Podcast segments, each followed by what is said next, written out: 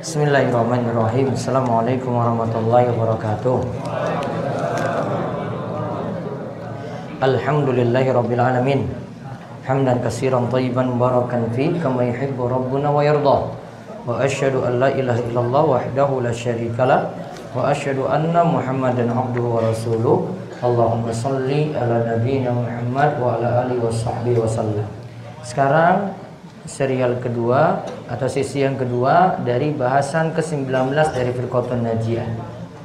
Kita lihat judulnya hukum hanyalah milik Allah.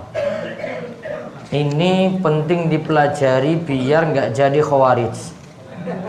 Biar nggak ngebom-ngebom sana sini. Biar nggak jadi ISIS. Tahu ISIS kan?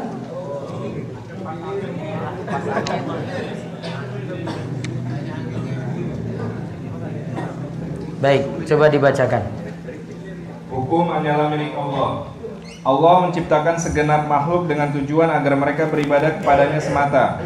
Allah mengutus para rasul untuk mengajar manusia dan menurunkan kitab-kitab kepada mereka untuk mereka jadikan pegangan hukum yang benar dan adil bagi mereka. Hukum-hukum tersebut terkandung di dalam ayat-ayat Al-Quran dan hadis Rasulullah SAW yang meliputi aturan tentang ibadah, muamalah, akidah, perundang-undangan, politik, serta berbagai permasalahan manusia lainnya. Satu. Nah, lihat, Allah mengutus para rasul untuk mengajar manusia, lalu turunkan kitab-kitab kepada mereka untuk dijadikan pegangan hukum. Pegangan hukum yang benar dan adil bagi mereka. Berarti di sini ada kitab-kitab diturunkan sekaligus punya kandungan hukum. Nah, kita lihat nanti di sini pembahasannya ada hukum dalam masalah akidah, dalam urusan ibadah, dalam urusan muamalah, hudud, kisos, dan yang berhak menetapkan syariat itu siapa? Ada sampai lima poin. Moga dibaca. Satu, hukum dalam masalah akidah. Yang pertama sekali didakwakan oleh para rasul kepada manusia adalah urusan pembenahan akidah dan mengajak mereka kepada tauhid Nabi Yusuf misalnya, ketika berada di dalam penjara, dia mendakwahkan tauhid kepada dua orang yang sama-sama di penjara. Ketika keduanya menanyakan tabir mimpi, sebelum menjawab pertanyaan keduanya dia berkata, "Wahai kedua penghuni penjara, manakah yang lebih baik, Tuhan-tuhan yang bermacam-macam itu ataukah Allah yang tunggal lagi maha perkasa?" Tuhan-Tuhan yang selama ini kalian sembah itu tidak lain hanyalah nama-nama sesembahan warisan nenek moyang kalian yang sama sekali tidak ada perintahnya dari Allah. Padahal hukum ketetapan hanyalah milik Allah semata.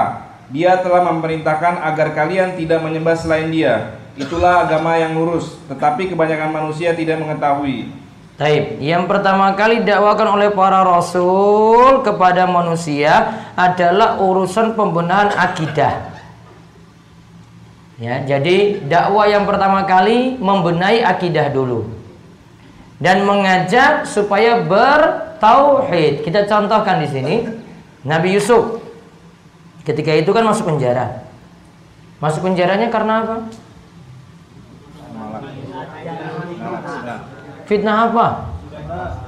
Fitnah perempuan kenapa? Perempuan yang ngajak dia zina, namun enggak mau. Kalau jenengan diajak mau?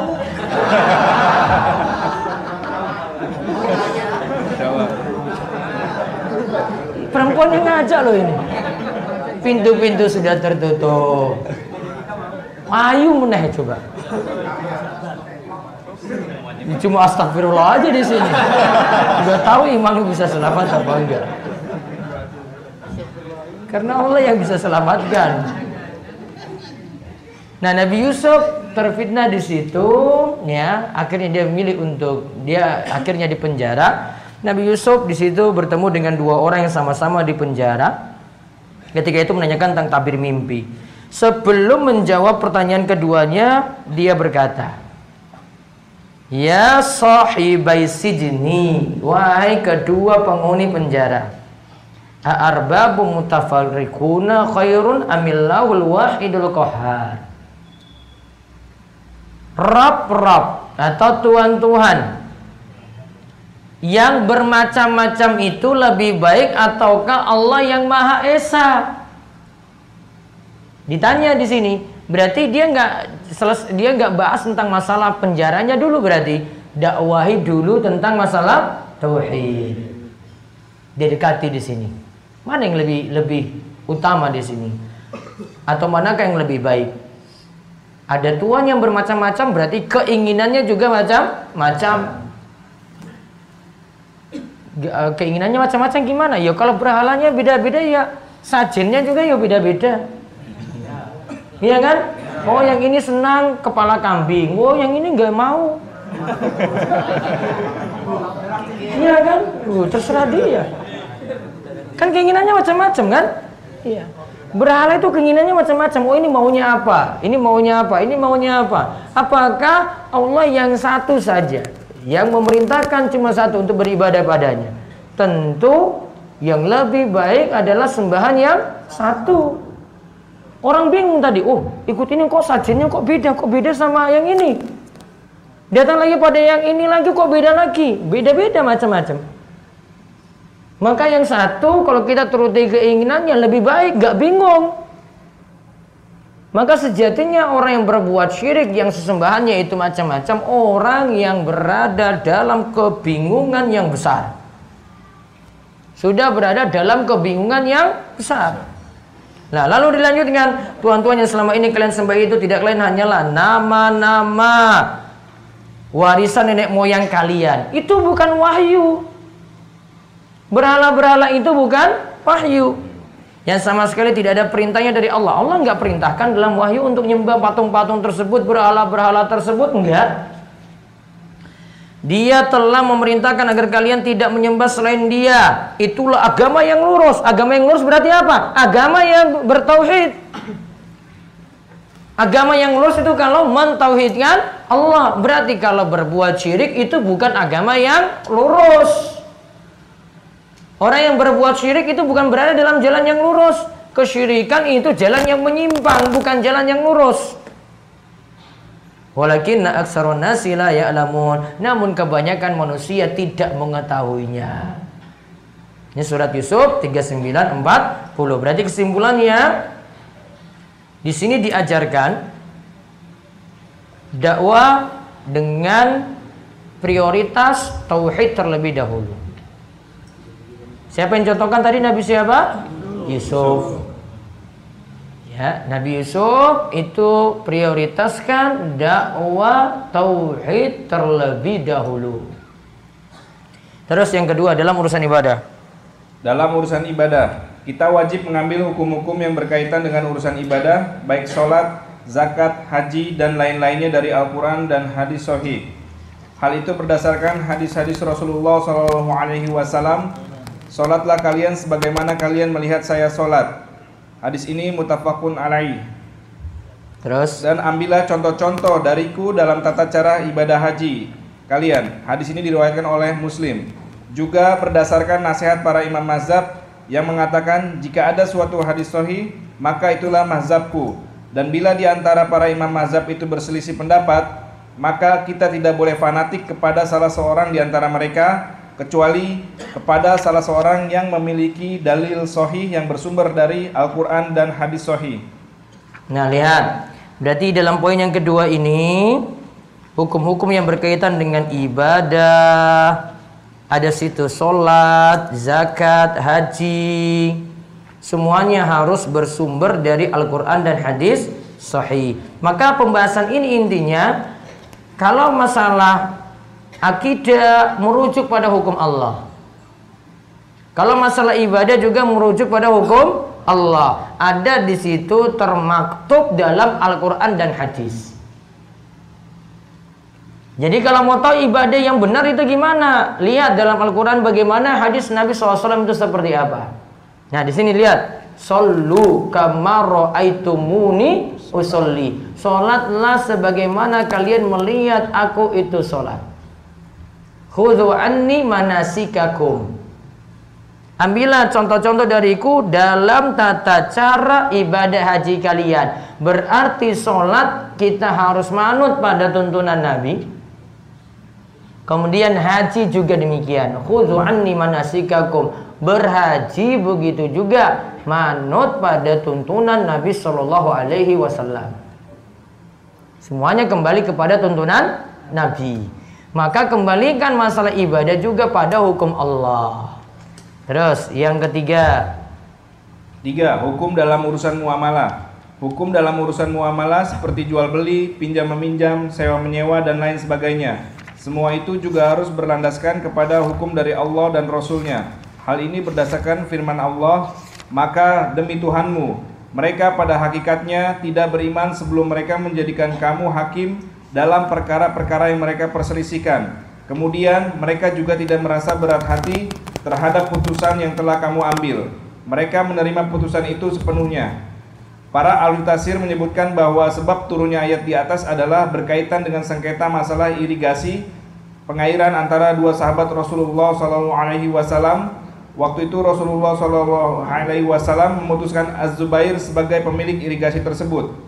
Namun lawan sengketanya itu berucap, wahai Rasulullah Shallallahu Alaihi Wasallam, engkau telah menangkan dia dalam sengketa kami ini, karena dia adalah anak bibimu. Lalu turunlah ayat di atas. Lihat dalam surat An-Nisa ayat 65.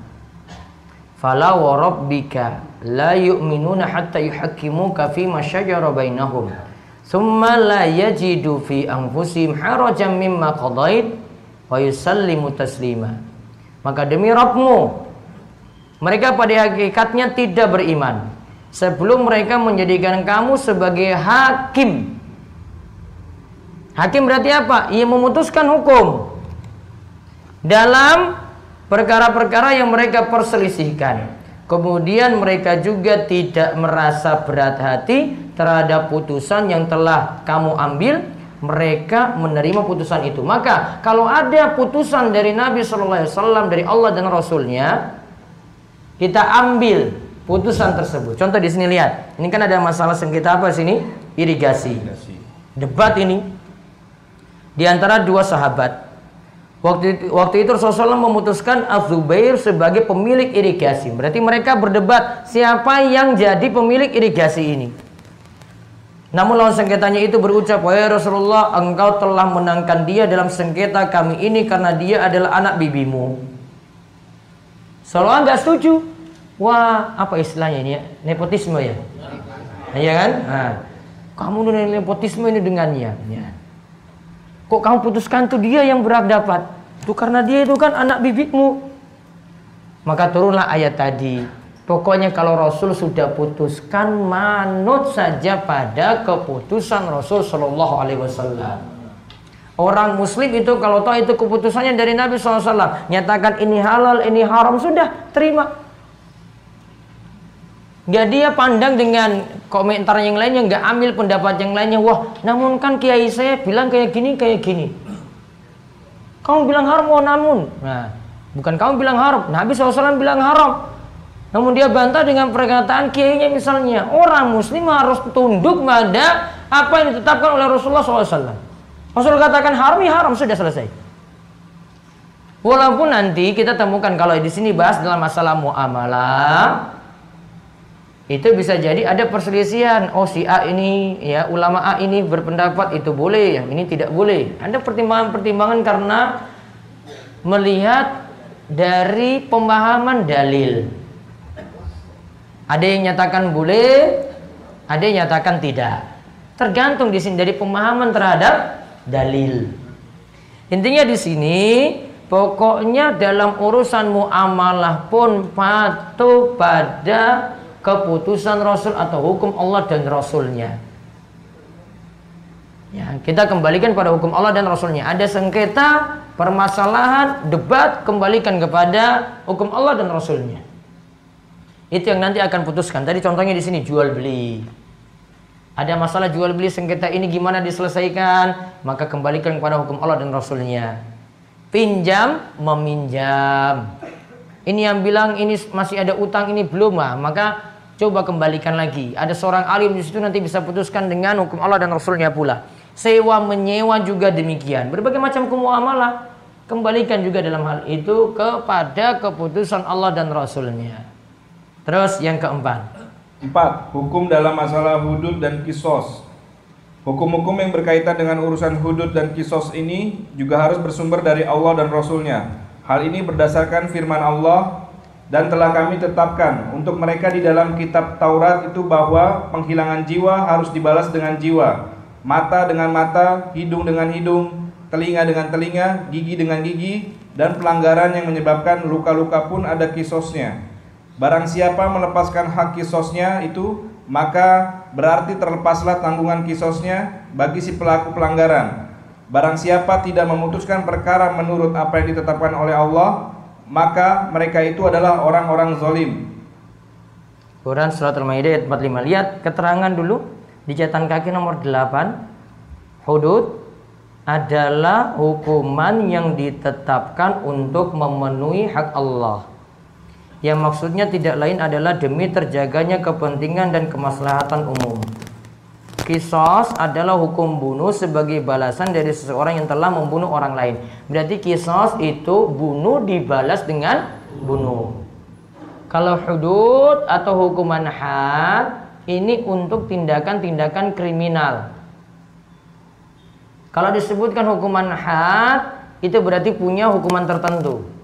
Misalnya hukuman had bagi pelaku zina dirinci. Bagi yang bujang kalau berzina hukumannya apa? Dicambuk berapa kali?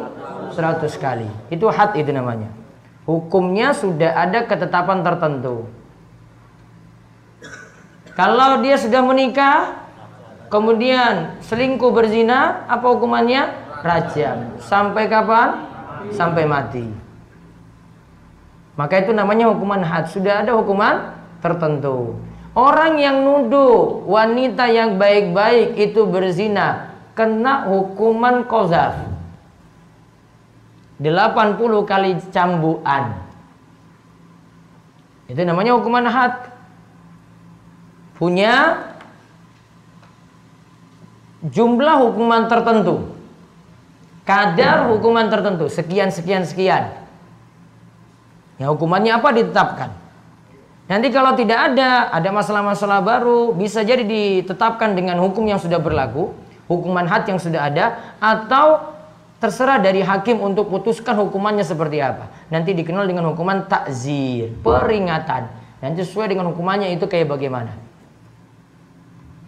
Jadi kalau dalam masalah hukum, kalau kita bicarakan tentang masalah hukum, ada karena tindakan kriminal atau tindakan pembunuhan berlaku hukum had atau hudud dan berlaku hukum kisos. Keputusannya bagaimana? Kembalikan pada hukum Allah. Ada masalah kriminal kayak gini, pembunuhan kayak begini, kembalikan pada hukum Allah. Cara untuk eksekusinya gimana? Kembalikan pada hukum Allah dan Rasulnya. Kalau hukum kisos itu gimana? Diracuni, ditembak, atau dipenggal lehernya? Dipeng, dipenggal lehernya, sudah. Sudah dipenggal, selesai. Mana kira-kira yang paling ya sama-sama ini juga sih? Yang paling sama-sama mati juga. Yang enak gak ada. Hah? Yang paling cepat selesai mana coba? Dipenggal selesai. Kalau diracuni, wah siksanya itu panjang sekali.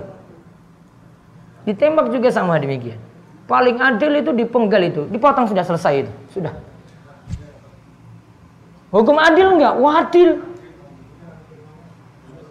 Antum kalau jadi keluarga korban, tetap itu tidak nerima kalau kok misalnya putranya sendiri itu dibunuh oleh orang itu.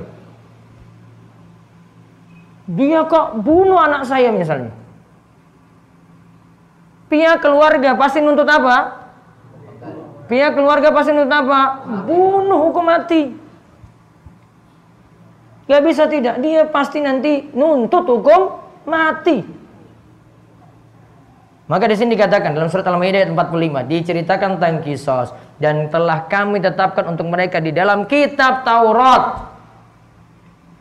Bahwa penghilangan jiwa harus dibalas dengan jiwa. Berarti sudah ada dalam kitab Taurat juga.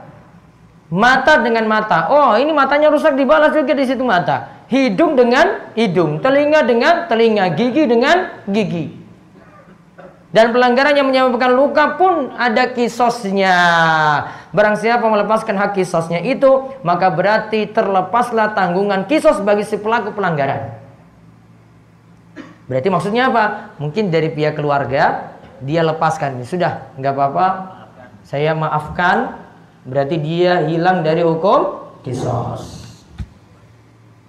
Barang siapa tidak memutuskan perkara menurut apa yang telah ditetapkan oleh Allah, maka mereka itu adalah orang-orang yang zalim. Lihat ayatnya, "Wa man lam yahkum bima anzalallah fa ulaika zalimun." Siapa yang tidak berhukum dengan hukum Allah, maka dia termasuk orang-orang yang zalim. Ini lagi mempelajari tentang apa? Hukum kisas. Kok di sini disebutkan zalim, kok tidak disebut kafir? Dalam ayatnya ayat lainnya disebut kafir, namun masalah lain. Maka orang yang berhukum dengan hukum selain Allah itu bertingkat-tingkat. Ya, nanti kita akan lihat atau akan simpulkan nanti dari pembahasan ini. Itu bertingkat-tingkat, tidak satu derajat. Ada yang ridho dengan hukum selain hukum Allah, ada. Dengan selain hukum Allah dianggap lebih baik, kafir nanti dia. Namun kalau dia sudah tahu hukum Allah lebih baik namun nggak bisa jalankan. Misalnya tadi tidak bisa menjalankan hukum kisos. Namun tahu hukum Allah itu lebih baik. Maka dia yang di sini disebut ini zolim. Kisos dia tahu itu lebih baik namun dia tidak bisa jalankan. Maka tidak setiap orang jadi hakim itu kafir enggak. Dan setiap negara yang tidak terapkan Hukum-hukum seperti ini, hudud dan kisos itu jadi kafir juga enggak? Coba lihat, Syekh Muhammad bin Jamil Zainu bahas nomor 4 loh ini. Awalnya apa tentang masalah hukum dibahas apa? Akidah. Setelah itu apa? Ibadah. Setelah itu yang ketiga apa? Muamalah. Di negeri kita ini, ya para jamaah sekalian, tiga ini sudah diatur ini. Ibadah, ibadah sudah diatur oleh negara juga. Sholat Idul Fitri mau mulai Ramadan ditetapkan nggak sama pemerintah? Tetapkan. Haji itu diurus nggak sama pemerintah? Diurus. Mau pergi umroh, pergi haji, visanya itu dikeluarkan oleh siapa? Pemerintah juga. Berarti dilegalkan, diizinkan. Azan apa kita tuh sampai dikekang itu gara-gara suara azan? Enggak. Suaranya keras boleh. Ya, suara tidak apa-apa, tidak dikekang, nggak boleh suara keras kayak begini harus di dalam masjid saja nggak boleh dikeluarkan itu. Jilbab ibu-ibu boleh make. Laki-laki bebas mau pergi ke masjid, nggak dilarang-larang. Berarti dalam masalah ibadah kita itu dimudahkan. Jadi kalau bahas seputar hukum itu bukan hanya bahas hukum hudud, bukan hanya bahas hukum kisos itu cuma beberapa bagian saja. Ada yang lebih besar loh, akidah, ibadah, muamalah. Baru sini bahas nomor empat ini. Nah, kalangan khawarij, isisnya, ini beda lagi. Mereka pokoknya harus sempurna, sempurna harus perfect. Oh, negara ini tidak jalankan hukum had, hukum kisos, kafir negara tersebut. Kamu jadi aparat di situ juga, kafir juga kamu. Kamu jadi pegawainya, berarti PNS, Kafir juga kamu. Namun ada yang pemikirannya khawarij jadi PNS juga. Ini saya ngomong kayak gini saya pernah debat sama dia langsung. Dia jadi PNS loh. Saya langsung cari nomor HP-nya saya telepon. Eh, kamu copot aja itu PNS-mu. Kamu kok kafir-kafirkan pemerintah kayak begini? Hmm, kalau kamu nggak ini tak ini loh kejar terus ini. Dia jelek, dia jelek-jelekan pemerintah, kafir-kafirkan pemerintah. Saya tanya balik, kamu nganggap pemerintah itu apa? Kafir apa bukan? Dia nggak mau jawab. Kamu jangan kejar-kejar saya dong Ustaz. Enggak, kamu nganggapnya apa? Kalau nganggap kafir, copot itu seragam. Nggak gentle kamu itu. Terus gajimu kamu gimana coba? Wah, saya nganggap gaji saya ini ini harta rampasan perang.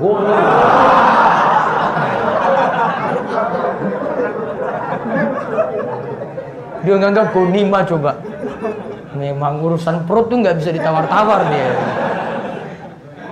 Ujung-ujungnya boleh coba. Hawaris padahal. PNS. Heran saya itu, saya cuma giling-giling saja. Coba kamu cabut satu begitu, bikin masalah saja. PNS itu dia pakai seragam PNS. Orang-orang tegur dia juga. Cuma urusan perut saja baru mengambil coba. Alasannya ada saja. Kalau dia nuduh PNS kayak begitu, nanti aparat kayak gitu, nanti tentara kayak gitu, polisi kayak gitu, kafir semuanya tuh. Jadi PNS dia. Saya bilang, kamu kafir juga dong. Gak mau dia. Nganggap gajinya masih boleh. Rapas, rata rampasan perang loh itu. Aneh-aneh kan? Hmm. Terus yang kelima. Yang berhak menetapkan syariat hanyalah Allah semata. Allah berfirman, dia telah mensyariatkan untuk kalian suatu agama yang dulu telah juga kami wasiatkan kepada Nuh dan yang telah kami wahyukan kepadamu. Quran surat Asyura ayat 13. Allah mengingkari orang-orang musyrik yang memberikan hak menetapkan hukum kepada selainnya. Dia berfirman, apakah mereka mempunyai sesembahan-sesembahan lain selain Allah yang menetapkan syariat untuk mereka padahal Allah sama sekali tidak memberi mereka izin. Quran surat Asyura 21. Nah, lihat Kesimpulan dari poin kelima yang berhak menetapkan syariat hanyalah Allah. Minad dini ma Nuhan wal ladzi auhayna ilaik. Surat Asy-Syura ayat 13. Dia telah menyariatkan untuk kalian suatu agama yang dulu telah juga kami wasiatkan kepada Nuh dan yang telah kami wahyukan kepadamu. Berarti yang membuat syariat itu Allah. Kemudian dan dia ya syaru alakum, dia kalimat yang depan dia itu kembali ke Allah. Kemudian Allah mengingkari orang-orang musyrik yang memberikan hak menetapkan hukum kepada selain Allah. Amlahum syuraka syara'u lahum minad dini ma bihillah. Apakah kalian mau menetapkan syariat minadin dan itu menganggap jadi agama padahal Allah tidak izinkan. Berarti menetapkan syariat itu hanya dari Allah. Dengan izin Allah, nggak bisa dari yang lainnya. Kiai sepintar apa pun, ustaz sepintar apa pun nggak bisa tetapkan syariat. Walaupun dia sampai dia dari garis keturunan Nabi Shallallahu Alaihi Wasallam, tidak bisa tetapkan syariat. Tidak bisa tetapkan ibadah baru. Tidak bisa tetapkan ya zikir baru. Tidak bisa tetapkan solawat-solawat baru. Harus dari Rasulullah SAW. Allah dan Rasulnya contohkan nggak? Ya, kalau tidak contohkannya sudah nggak diambil. Nah, lalu kesimpulannya. Kaum muslimin wajib menjadikan Al-Quran dan hadis sahih sebagai sumber dalam menetapkan hukum. Dan menjadi kewajiban bagi mereka juga untuk berhukum kepada keduanya dalam segala urusan. Allah berfirman, dan hendaklah kamu memutuskan perkara-perkara mereka dengan apa yang telah diturunkan oleh Allah. Quran Surat Al-Maidah ayat 49. Rasulullah SAW juga bersabda, dan selama pemimpin umat tidak berhukum kepada kitab Allah dan tidak memilih apa yang telah diturunkan oleh Allah, niscaya Allah timpakan kepada mereka kesengsaraan. Hadis ini Hasan diriwayatkan oleh Ibnu Wajah dan lainnya. Umat Islam wajib membuang hukum perundang-undangan asing yang ada di negaranya, seperti sistem perundang-undangan Prancis, Inggris, dan lainnya yang nyata-nyata bertentangan dengan hukum Islam. Kaum muslimin. Kaum muslimin hendaknya tidak lari ke pengadilan yang menetapkan hukum dengan undang-undang yang bertentangan dengan Islam. Hendaknya mereka menyerahkan perkaranya kepada para ulama sehingga perkaranya diputuskan secara Islam dan itu adalah cara penyelesaian yang terbaik untuk mereka karena Islam akan memberikan keadilan dan kebijaksanaan kepada mereka orang yang melaksanakan Islam juga akan mendapatkan penghematan-penghematan dari sisi harta benda maupun uang dibandingkan bila berurusan dengan pengadilan buatan manusia yang ada sekarang ini.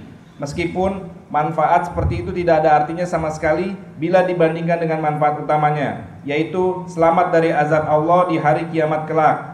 Karena berhukum dan berlindung kepada hukum buatan manusia berarti berpaling dari hukum Allah dan berpaling dari hukum Allah jelas balasannya adalah api neraka. Nah, di sini perlu tambahkan poin khusus. Di sini sebutkan sistem perundang-undangan Prancis, Inggris dan lainnya ini harus dirinci ya tentang menghukumi kafirnya atau tidak orang yang berhukum dengan selain hukum Allah. Nah, berarti sekarang kita bahas kesimpulan berhukum dengan selain hukum Allah. Satu, jika menganggap selain hukum Allah itu lebih baik, jika menganggap selain hukum Allah itu lebih baik, ya dia anggapnya lebih baik, lebih baik daripada hukum Allah. maka dihukumi kafir. Harus hukum Allah tetap dia yakini lebih baik. Namun kalau dia yakini selain hukum Allah itu lebih baik daripada hukum Allah, kafir dia. Nah sekarang yang kedua, jika menganggap selain hukum Allah itu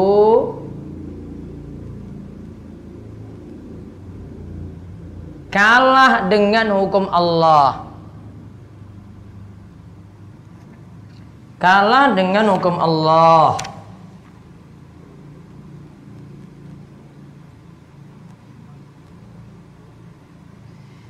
Namun belum bisa menjalankan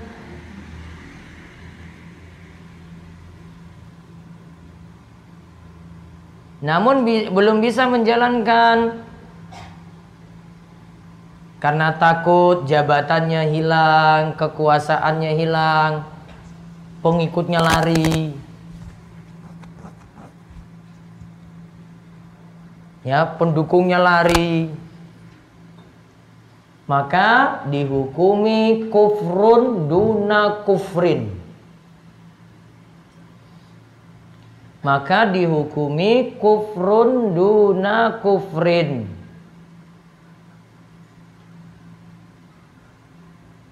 Apa kufrun dunia kufrin? Dalam kurung kufur asghar, kufur kecil.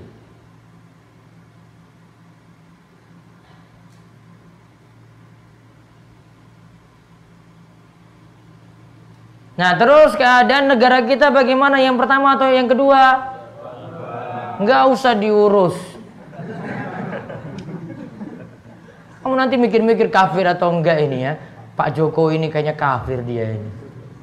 Gitu nggak usah diurus. Sudah kamu eh, jalani ilmu tolabul ilmu bagaimana belajar terus belajar terus makin rakyatnya baik di atasnya makin baik ya. Makin belajar baik di atasnya makin baik. Rakyat itu cerminan di atasnya itu seperti apa? Jadi pemimpin itu cerminan dari rakyatnya sendiri. Pingin pemimpin itu kayak Rasul Abu Bakar pingin kan? Umatnya siapa dulu? Ya, umatnya Abu Jahal, Abu Lahab ya sudah ya pemimpinnya kayak begitu. Mau berharap pemimpinnya bagus, mau saya pingin pemimpin saya seperti Rasul, Abu Bakar, Umar, Utsman, Ali. Pernah ada yang negur Ali itu? Ali, kok di zamanmu ini kok serba rusak semuanya? Di zaman Rasul itu nggak pernah seperti itu. Kami itu bahagia di zaman Rasul. Oh, Ali balas.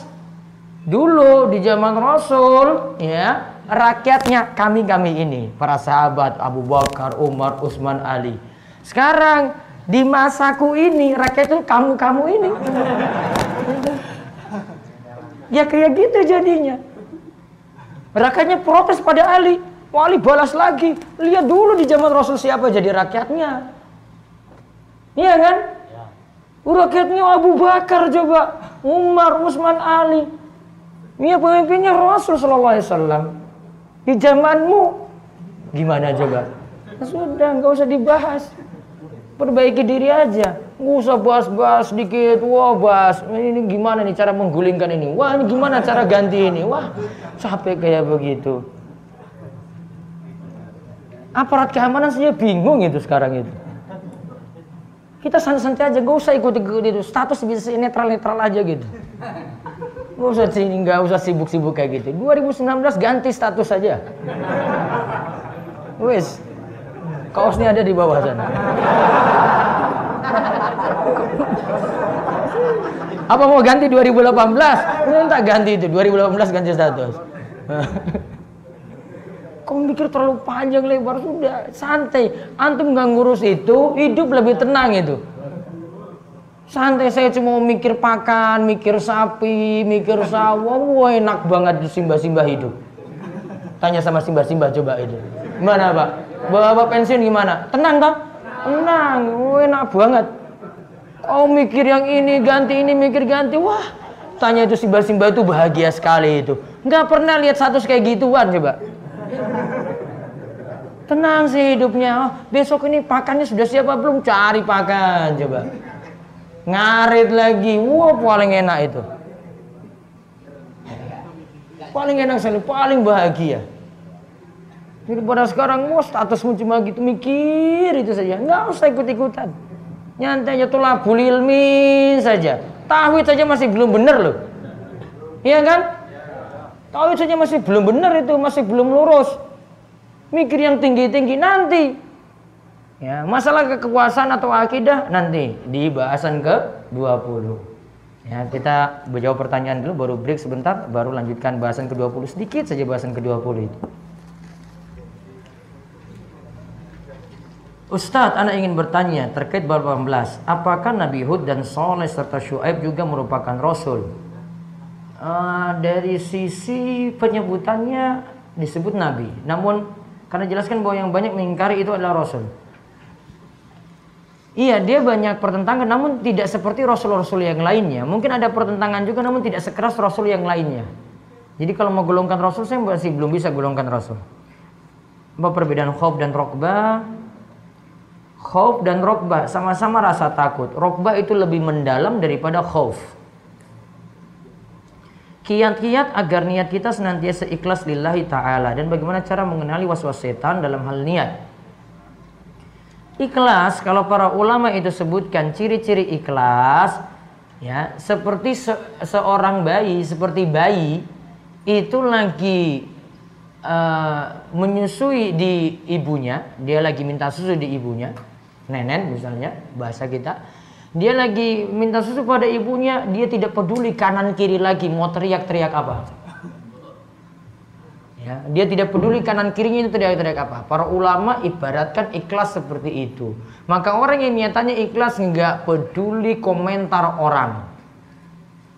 Nggak peduli pujian orang. Bayi coba yang lagi minum susu tadi itu dengan ibunya. Ya, peduli nggak kanan kiri? Nggak peduli dia. Sudah, mau di sana ada bom, mau di saya mau minum susu ini pokoknya. Iya kan? Nggak peduli kanan kiri. Mau ditanya sanjung-sanjung ini, sanjung-sanjung bayi ini, mau jelek-jelekan, dia nggak peduli juga. Pokoknya dia fokus untuk ya yang ini. Berarti kalau kita disebut ikhlas, fokus pada ibadah ini untuk Allah saja. Nah, was-was dalam niat, pokoknya kalau niatnya itu jadi berubah, luruskan niat tadi hanya untuk Allah. Saat anak ingin bertanya apakah menyanyikan atau menyenandungkan lirik lagu tanpa musik itu boleh ataukah sama dengan syair atau nasyid? Yang pertama yang penting eh, syairnya. Kalau sebagian ulama itu katakan tidak mirip seperti ya lagu-lagu yang ada ya dia tidak gunakan alat musik sebagian masih membolehkan. Yang penting tidak mengalahkan Al-Qur'an. Wallahu a'lam. Dalam tradisi kenduri itu apabila di dalamnya tidak mengandung unsur syirik Misalnya hanya bersilaturahmi dan membawa makanan dan berdoa bersama. Baiknya bagaimana Ustaz? Intinya ada yang tingkatannya tidak sampai syirik, ada yang tingkatannya amalannya tidak ada tuntunan. Yang jelas di sini kalau sampai ada doa-doa bersama, nah di sini dari sisi ibadah itu mesti dilihat ada tuntunan ataukah tidak. Doa bersama yang dimasukkan sini baiknya tidak dilakukan. Wallahu a'lam. Apakah seorang jika menggunakan rajah tulisan Arab yang ditempelkan di tembok-tembok yang berisi seperti Asmaul Husna itu masuk kategori syirik besar dan bagaimana cara bertobatnya? Bertobatnya tinggalkan itu, hancurkan jimat-jimat tadi, rajah tadi, kemudian dia tahu itu syirik. Maka dia tinggalkan syirik tadi. Kemudian apakah seorang jika apakah ini masuk syirik akbar? Tergantung. Para ulama rinci kalau menggunakan jimat itu jadi dua macam. Ada menggunakan jimat itu yakin yang datangkan manfaat, nolak bahaya benda. Berarti syirik. Syiriknya apa? Akbar. Karena dari benda ini yang punya kemampuan. Bukan hanya jadi sebab, namun benda ini yang datangkan manfaat, nolak mudarat. Namun kalau keyakinannya itu jadi sebab, namun sebabnya ini tidak syar'i karena tidak ada bukti eksperimen atau tidak ada bukti dari dalil, maka dihukum syirik asghar. Mau tanya bagaimana sikap kita jika seseorang yang mengecap pada pendakwa dengan cap Wahabi adalah guru kita sendiri. Bagaimana sikap kita sebagai siswa? Ya, anggap berlalu saja begitu. Mau kamu bila juga ya sudah biasa dicap kayak begitu. Ya. Kecuali kalau dia difitnah, fitnah beda.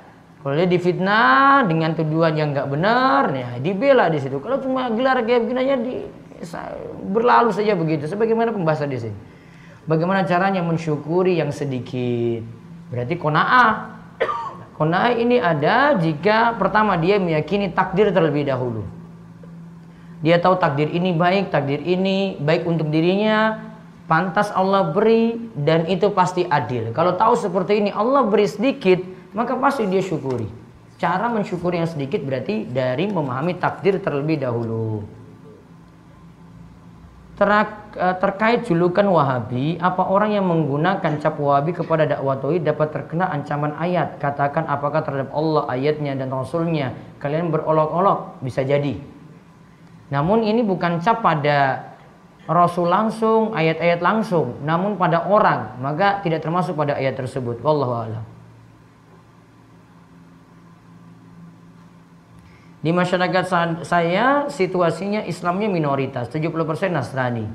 Dan masyarakat di sana sangat bercampur baur dalam hal beragama. Yang Islam ikut-ikutan kegiatan Nasrani dan sebaliknya. Dan masyarakat sulit untuk diajak ibadah. Jangan masjid cuma dua orang. Berarti harus ada dai di situ. Siapa yang jadi dai? Nggak perlu datangkan dari luar jauh-jauh. Antum belajar baik-baik, pulang untuk dakwai masyarakat sendiri.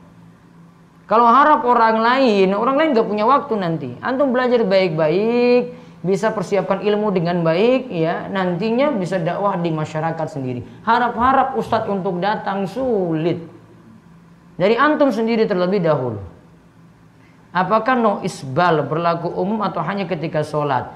Tidak isbal berlaku umum ketika sholat maupun tidak sholat. Karena hadisnya umum. Ma asfala minal ka'bain minal izar fafinnar.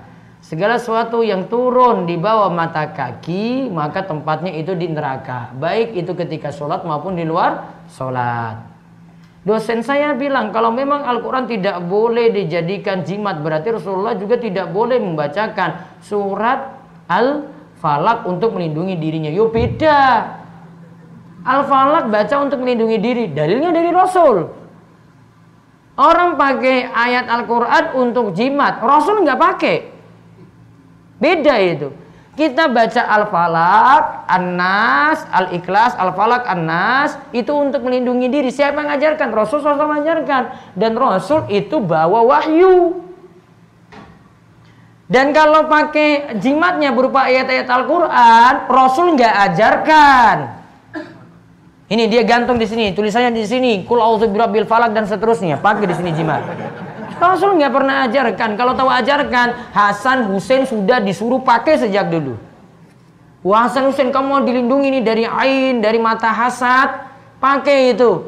Pakai jimat dari Al-Quran. Nggak pernah itu. Nggak ada ceritanya. Kalau ada ceritanya pasti sudah tahu kita itu. Paling ada bahasa yang cerita, wah itu Hasan Hussein pakai jimat itu dari Al-Quran. Nggak ada. Pembahasan jimat dari Al-Quran nanti ada pembahasan tersendiri. Bagaimana jika ustadz yang jarang mendakwakan tauhid dengan alasan sudah banyak yang mendakwakannya? Bagaimana memulai dakwah tauhid? Yang jelas bisa saja orang itu mulai dengan dakwah apa pun. Dia ajarkan fikih, dia ajarkan ibadah, dia ajarkan Al-Qur'an. Yang penting nanti singgung tentang masalah tauhid. Yang masalah itu, ini kan sudah disinggung di bab sebelumnya sebenarnya. Yang masalah jika orang sudah paham pentingnya dakwah tauhid, takut umatnya lari, nggak mau dibicarakan masalah tauhid. Itu yang masalah. Wah saya takut nih, jangan-jangan saya jangan bahas masalah tauhid. Nanti jamaah saya lari. Itu malah salah. Dia bawa materi apa pun, nanti ujung-ujungnya bisa bawa tauhid, bagus. Diselipkan di situ. Gak mesti harus monoton. Wah ayo kita ngaji firqatun najiyah, kitab tauhid. Wah berat sebagian orang. Lari nanti, wah kitab Tauhid, wah itu kan kitabnya Wahabi itu. Coba kalau kamu bahas wiki, ujung-ujungnya coba pembahasan Tauhid, enak gitu. Ya, pembahasan ujung-ujungnya pembahasan Tauhid lagi, singgung lagi Tauhid lagi, singgung lagi Tauhid, bisa. Dia bahas misalnya tentang masalah ya anak-anak muda singgung lagi masalah tauhid bisa juga. Dia bahas tentang masalah perselingkuhan, perzinaan, ujungnya masalah tauhid juga bisa juga dia singgung. Oh perselingkuhan kayak gini, ada yang pakai jimat kayak gini, singgung lagi masalah jimat. Kok ujungnya jimat ya? Karena dia ingin singgung masalah tauhid. Masuknya dari mana-mana. Tinggal bagaimana cara mengatur gaya bicaranya saja.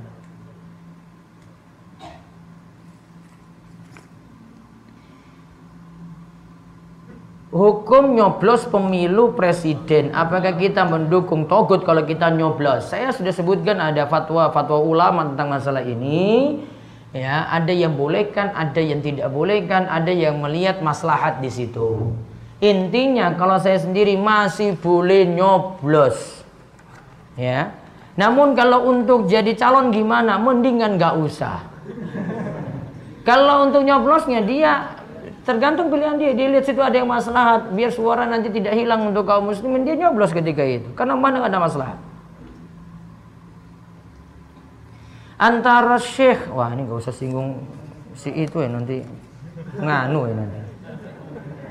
Apa urutan-urutan yang paling baik dalam belajar Islam setelah akidah? Setelah akidah itu pelajari hal-hal yang kita butuhkan sehari-hari. Sholatnya diperbaiki, Akhlak juga, akhlaknya diperbaiki pada orang-orang dekat, pada orang tua. Kalau sudah menikah, pada istrinya, pada anak-anaknya diperbaiki. Jadi hal yang diperlukan sehari-hari.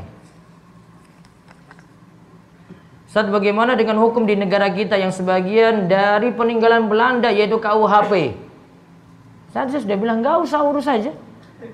Ngapain kamu tujuan saya jawab kayak begini apa coba? Mau saya bilang pemerintah Indonesia togut kayak gitu? Nggak akan saya jawab. Ya, yang jelas sudah hukum yang ada dijalankan. Ya, hukum yang ada itu dijalankan. Ingat, hukum itu ada macam-macam. Kalau tadi itu baru secara umum juga kita bahas. Hukum itu ada yang kaitannya dengan hal-hal yang tidak diatur dalam Al-Quran dan hadis. Contoh, pakai penutup kepala helm ketika kita mau pergi ke mana-mana coba berkendaraan. Ada ayat Al-Quran sama hadis ngatur kayak gitu? Nggak ada kan? Taat lampu merah itu. Ada ayat Al-Quran yang ngatur. Nggak ada. Maka kalau ada masalah itu tidak diatur. Pemerintah tetapkan. Wajib untuk taat. Itu nggak taati hukum togut. Sama seperti Rasul SAW itu buat beberapa aturan. Itu tidak masuk dalam akad jual beli. Bila ketika itu beli mau beli unta terus dari si penjual dia minta pada Rasulullah SAW, ya Rasulullah saya bawa pulang unta ini dulu ke rumah baru saya bawa balik lagi. Berarti ada syarat jual beli yang dia tambahkan. Ya, ada syarat jual beli yang dia tambahkan. Gak masuk dalam akad jual beli. Dia buat aturan sendiri berarti. Rasul iya kan, boleh itu. Silakan kamu bawa pulang dulu, baru nanti kamu kembali sini serahkan unta itu yang telah saya beli. Rasul katakan seperti itu. Oh berarti ada hukum yang tidak diatur dalam Al-Quran dan hadis. Tidak masalah untuk ditaati kalau pemerintah buat. Ada aturan misalnya masalah pertanahan, tadi masalah rambu-rambu lalu lintas, semua itu nggak diatur, kita wajib taat. Ya, kita wajib taat di situ. Namun kalau ada hukum itu sudah sejalan dengan hukum Islam, misalnya di negara kita masih menganut hukum warisnya itu berdasarkan hukum Islam maka lebih-lebih lagi karena ini sejalan dengan hukum Islam. Saya terlanjur menyekolahkan anak saya ke sekolah yang islami Tetapi setelah mengenal manhaj salaf Ternyata sekolah yang islami tidak sesuai dengan Al-Quran dan Sunnah. Apakah di Gunung Kidul sekolah atau pesantren yang bermanhaj salaf Agar saya bisa memindahkan anak? Yang penting di sini tergantung pendidikan orang tua juga. Ya, Ada beberapa sekolah di sini saya tidak bisa sebutkan langsung apa beda mushaf Al-Quran dan Al-Quran terjemahan? Beda. Mushaf Al-Quran itu murni bahasa Arab. Al-Quran terjemahan berarti ada bahasa Arab, ada bahasa Indonesia. Apakah wanita haid boleh membaca Al-Quran terjemahan? Boleh. Karena Al-Quran terjemahan bukan mushaf. Dan tidak termasuk dalam larangan. La musul Quran illa tahir. Tidak boleh menyentuh mushaf Al-Quran kecuali orang yang suci. Wanita haid masih boleh menyentuh Al-Quran terjemahan karena itu bukan musab murni. Bagaimana mengatasi anak balita yang penakut? Ke mana-mana harus ditemani, tidak mandiri, tidak percaya diri. Kalau balita nggak masalah.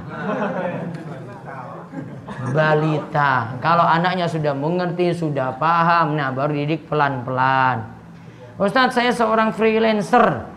Tolong doakan saya agar di tahun 2019 bisa ganti status. Allahumma amin. Jomblo jadi menikah.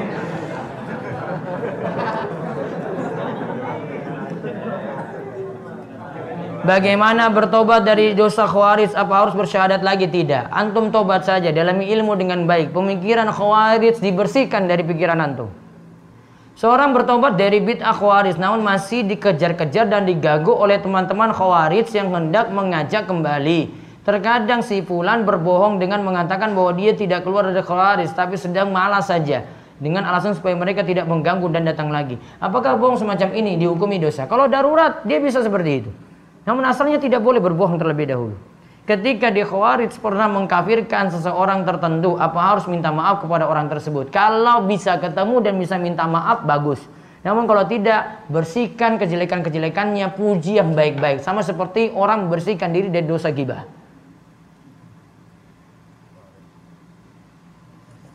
Bagaimana tahapan-tahapan hukuman kisos yang sudah diterapkan di Saudi Arabia? Pengadilan dulu masuk pengadilan masalahnya. Ada penyidikan sampai masuk pengadilan, kemudian setelah itu baru ada hukum kisos. Kisosnya itu dilakukan di tempat umum. Orang-orang nonton. Ya, nonton langsung. Kenapa? Biar semuanya pada takut, nggak bunuh orang lagi. Ini loh buktinya kalau bunuh orang kena hukuman kisos. Itu ada depan mahkamah, ada masjid. Biasa kalau di Jeddah itu ada jamaah umroh itu biasa sebut dengan masjid kisos. Nah itu biasanya eksekusinya di situ. Mau penggal, mau rajam, mau cambuk di situ di, dilakukan. Ustadz, kalau Nuh itu Rasul pertama, kalau Nabi Adam itu Nabi yang pertama, beda. Kalau Nabi diutus untuk kaum sejalan, bagaimana dengan Nabi Samuel pada Bani Israel? Wallahu alam, saya belum tahu sejarah Nabi Samuel. Apakah hukum kisah juga diberlakukan bagi orang yang tidak sengaja? Hukum bagi yang tidak sengaja itu ada hukuman sendiri. Nanti ujung-ujungnya dia. Kalau benar-benar tidak sengaja. Allah alam kita istirahat dulu 10 menit break nanti lanjut lagi bahasan ke-20 sebelum sholat zuhur.